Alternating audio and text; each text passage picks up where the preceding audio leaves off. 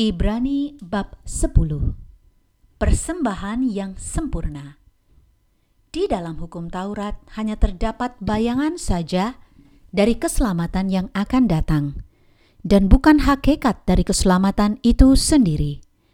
Karena itu, dengan korban yang sama yang setiap tahun terus-menerus dipersembahkan, hukum Taurat tidak mungkin menyempurnakan mereka yang datang mengambil bagian di dalamnya. Sebab, jika hal itu mungkin, pasti orang tidak mempersembahkan korban lagi. Sebab mereka yang melakukan ibadah itu tidak sadar lagi akan dosa setelah disucikan sekali untuk selama-lamanya. Tetapi justru oleh korban-korban itu, setiap tahun orang diperingatkan akan adanya dosa, sebab tidak mungkin darah lembu jantan atau darah domba jantan menghapuskan dosa. Karena itu, ketika ia masuk ke dunia, ia berkata, "Korban dan persembahan tidak engkau kehendaki, tetapi engkau telah menyediakan tubuh bagiku." Kepada korban bakaran dan korban penghapus dosa, engkau tidak berkenan. Lalu aku berkata, "Sungguh, aku datang dalam gulungan kitab, ada tertulis." Tentang aku untuk melakukan kehendakmu, ya Allahku. Di atas ia berkata, korban dan persembahan, korban bakaran dan korban penghapus dosa, tidak engkau kehendaki, dan engkau tidak berkenan kepadanya, meskipun dipersembahkan menurut hukum Taurat. Dan kemudian katanya, Sungguh, Aku datang untuk melakukan kehendakmu. Yang pertama ia hapuskan, supaya menegakkan yang kedua. Dan karena kehendaknya, inilah kita telah dikuduskan satu kali untuk selama-lamanya oleh persembahan tubuh Yesus Kristus.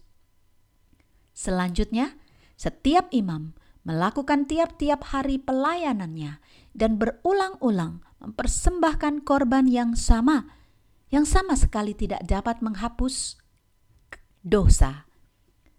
Tetapi ia telah mempersembahkan hanya satu korban saja karena dosa.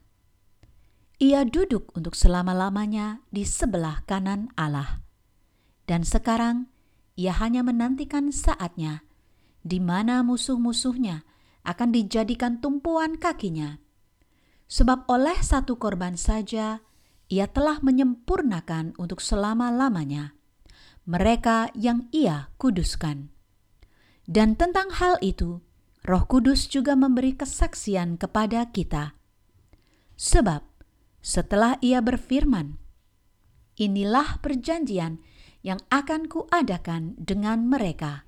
Sesudah waktu itu.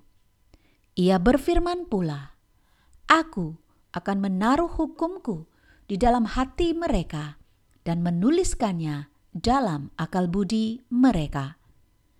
Dan aku tidak lagi mengingat dosa-dosa dan kesalahan mereka. Jadi, apabila untuk semuanya itu ada pengampunan, tidak perlu lagi dipersembahkan korban karena dosa ketekunan. Jadi, saudara-saudara, oleh darah Yesus, kita sekarang penuh keberanian dapat masuk ke dalam tempat kudus, karena Ia telah membuka jalan yang baru dan yang hidup bagi kita melalui tabir, yaitu dirinya sendiri. Dan kita mempunyai seorang imam besar sebagai kepala rumah Allah. Karena itu, Marilah kita menghadap Allah dengan hati yang tulus ikhlas dan keyakinan iman yang teguh. Oleh karena hati kita telah dibersihkan dari hati nurani yang jahat dan tubuh kita telah dibasuh dengan air yang murni. Marilah kita teguh berpegang pada pengakuan tentang pengharapan kita, sebab Ia yang menjanjikan setia. Dan marilah kita saling memperhatikan supaya kita saling mendorong dalam kasih dan dalam pekerjaan baik. janganlah kita menjauhkan diri dari pertemuan-pertemuan ibadah kita, seperti dibiasakan oleh beberapa orang. Tetapi marilah kita saling menasihati dan semakin giat melakukannya menjelang hari Tuhan yang mendekat. Sebab, jika kita sengaja berbuat dosa, sesudah memperoleh pengetahuan tentang kebenaran, maka tidak ada lagi korban untuk menghapus dosa itu. Tetapi yang ada ialah kematian yang mengerikan, akan penghakiman, dan api yang dahsyat yang akan menghanguskan semua orang durhaka. Jika ada orang yang menolak hukum Musa, ia dihukum mati tanpa belas kasihan atas keterangan dua atau tiga orang saksi. Betapa lebih beratnya hukuman yang harus dijatuhkan atas dia yang menginjak-injak anak Allah, yang menganggap najis darah perjanjian yang menguduskannya, dan yang menghina roh kasih karunia? Sebab kita mengenal dia yang berkata, Pembalasan adalah hakku, akulah yang menuntut pembalasan. Dan lagi, Tuhan akan menghakimi umatnya. Ngeri benar kalau jatuh ke dalam tangan Allah yang hidup. Ingatlah akan masa yang lalu. Sesudah kamu menerima terang, kamu banyak menderita oleh karena kamu bertahan dalam perjuangan yang berat. Baik waktu kamu dijadikan tontonan oleh cercaan dan penderitaan, maupun waktu kamu mengambil bagian dalam penderitaan mereka yang diperlakukan sedemikian.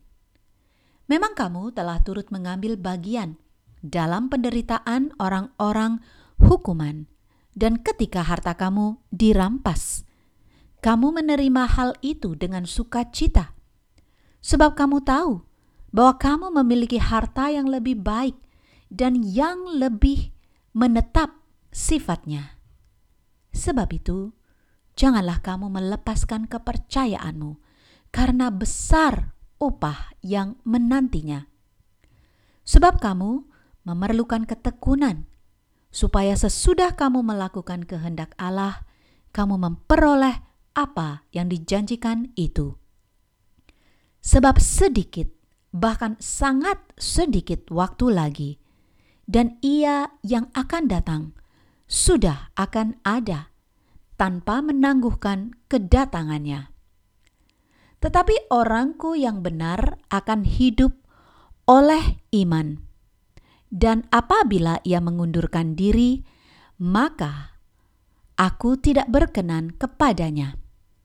Tetapi kita bukanlah orang-orang yang mengundurkan diri dan binasa, tetapi orang-orang yang percaya dan yang beroleh hidup.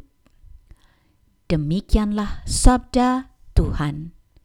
Syukur kepada Allah.